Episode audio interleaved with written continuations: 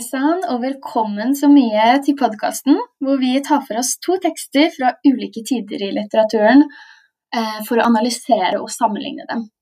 I dag så er det selveste 'Skolemesterens fortellinger' av Henrik Bergen og 'Faderen' av Bjørnstjerne Bjørnson vi skal ta en titt på.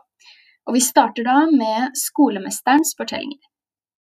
Henrik Wergeland var jo en eh, norsk forfatter fra romantikken, og levde fra sånn år 1808 til 1845. Um, og innenfor skrivekunsten så var han talentfull innen en rekke sjangere.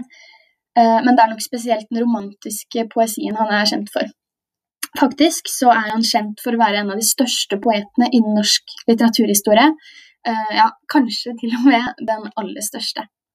Teksten som vi skal snakke om i dag, nemlig 'Skolemesterens fortellinger', er fra 1841 og er skrevet i romantikken som strekker seg fra ja, sånn omtrent slutten av 1700-tallet til midten av 1800-tallet. Så hva er det egentlig denne teksten handler om? Jo, Wergeland starter med å fortelle om lærerens viktige rolle i samfunnet. Hvor viktig han er for å spre kunnskap, og bruker faktisk frasen 'levende bøker' blant allmuen om lærerne. Senere så skriver han en tekst som heter 'Den engelske herre og den tyrkiske fisker', som er en fortelling fortalt av en dyktig lærer, eller læremester, som Bergen kaller han. det. og den handler om hvordan en tyrkisk fisker motbeviser alle dårlige fordommer rettet mot hans folk, når han en gang hjelper den engelske herre da han blir sittende fast på havet. Derfor så tenker jeg at temaer i den fortellingen kanskje kan være viktigheten i kunnskap, religionshat og fordommer. Så hva ville Wergeland virkelig med disse fortellingene? Hva er budskapet? Um, hans innledning, om man kan kalle det det, som handlet om lærerne, ikke hadde som budskap å hedre dem og sette fokus på hvor viktige de er for at vi skal være opplyste. Mangel på kunnskap er nemlig farlig, noe som leder oss til budskapet i fortellingen om den engelske herre og den tyrkiske fisker, som går ut på at man aldri skal dømme noen før man har blitt kjent med dem.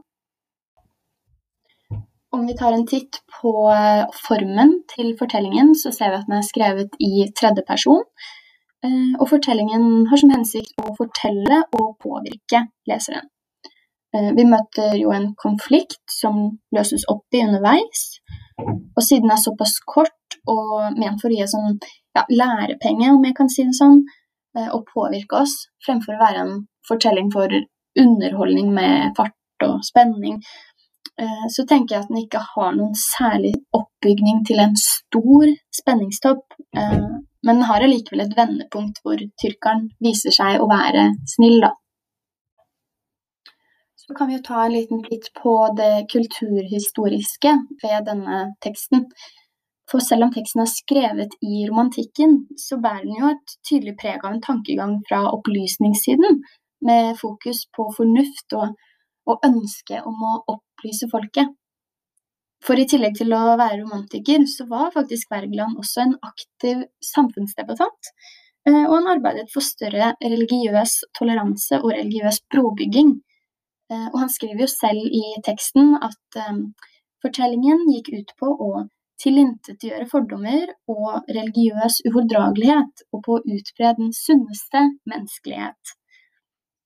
Um, og i fortellingen så får vi høre om en annen folkegruppe, nemlig tyrkerne, som har islam som sin religion og tror på Mohammed.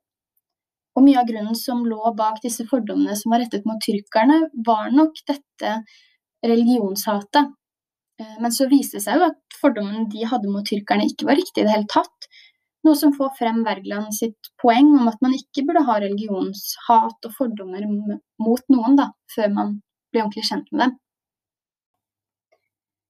Neste teksten vi nå skal se på, er 'Faderen' av Bjørnstjerne Bjørnson. Og Bjørnson var jo en av Norges og Europas viktigste forfattere i andre halvdel av 1800-tallet. Han er kjent innen en rekke sjangere, f.eks. romaner, lyrikk, teaterstykker og noveller. Eh, og den teksten vi skal se på i dag, er jo faktisk en novelle. Mer presist en av hans bondefortellinger, som han var veldig kjent for. Og teksten er fra 1860, altså i nasjonalromantikken, og var en del av novellesamlingen Småstykker. Novella handler da om bonden Tord sitt liv. Flere ganger i sitt liv så drar han til presten på sønnens vegne for å hele tiden forsikre seg om at han da får det aller beste. Om det så er å ha han døpt for seg selv, eller stå fremst i rekken av konfirmanter. Eh, her fremstår han som en nokså arrogant og velstående mann, vil jeg si, eh, frem til han til slutt mister sin sønn i en drukningsulykke ute på havet. Eh, og da forsvinner arrogansen nokså brått. Og han skjønner kanskje at det han hadde, var mer enn bra nok, og at han burde ha vært takknemlig for det. Temaet i denne novella tenker jeg derfor kan være takknemlighet, og kanskje også personlighetsendring, siden bonden blir en helt annen person etter hendelsen. Og budskapet må jo være å være takknemlig for det man har, og ikke alltid være på jakt etter det beste, men kanskje klare seg med det middelmådige, da. Bondefortellingen er som sagt en novelle, og det er mange kjennetegn i formen på en novelle som vi finner igjen i den teksten. Den er kort, har få personer og legger opp til at man må lese mellom linjene. Eksempel så har vi en setning som sier nå tenker jeg at sønnen din endelig har blitt deg til velsignelse. Og her tenker jeg kanskje at presten mener at bondens tap av sønnen har gjort bonden til et bedre menneske, da, ved at han nå har fått åpnet opp øynene og ser andre fremfor kun seg og sitt eget.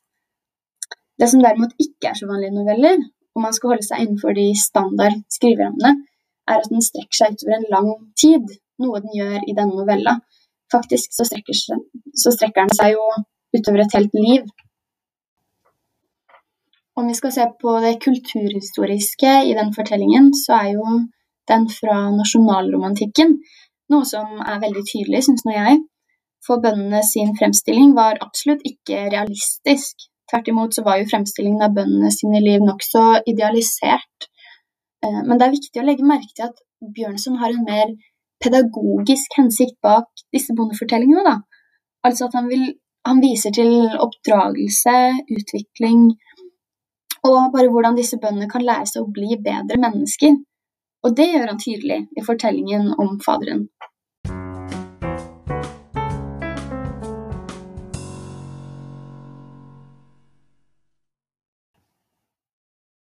Om vi skal sammenligne, så kan vi jo starte med forfatterne. Eh, for det er jo to forskjellige forfattere fra to forskjellige tider vi har med å gjøre her. Nemlig Henrik Wergeland fra romantikken og Bjørnstjerne Bjørnson fra nasjonalromantikken. Og i romantikken så ble det jo lagt vekt på naturen, følelsene og individet.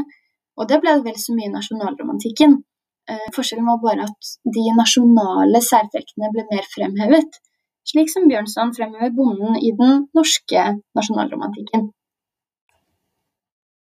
Når det kommer til tekstsjangeren og form, så er den jo forskjellig, eh, men samtidig så vil jeg si den er ganske lik.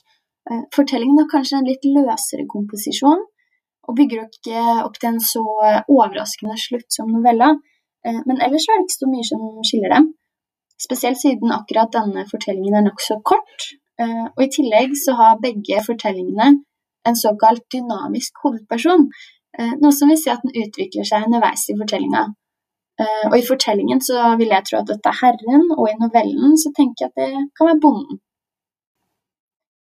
Tematisk er ikke tekstene noe særlig like, vil jeg si.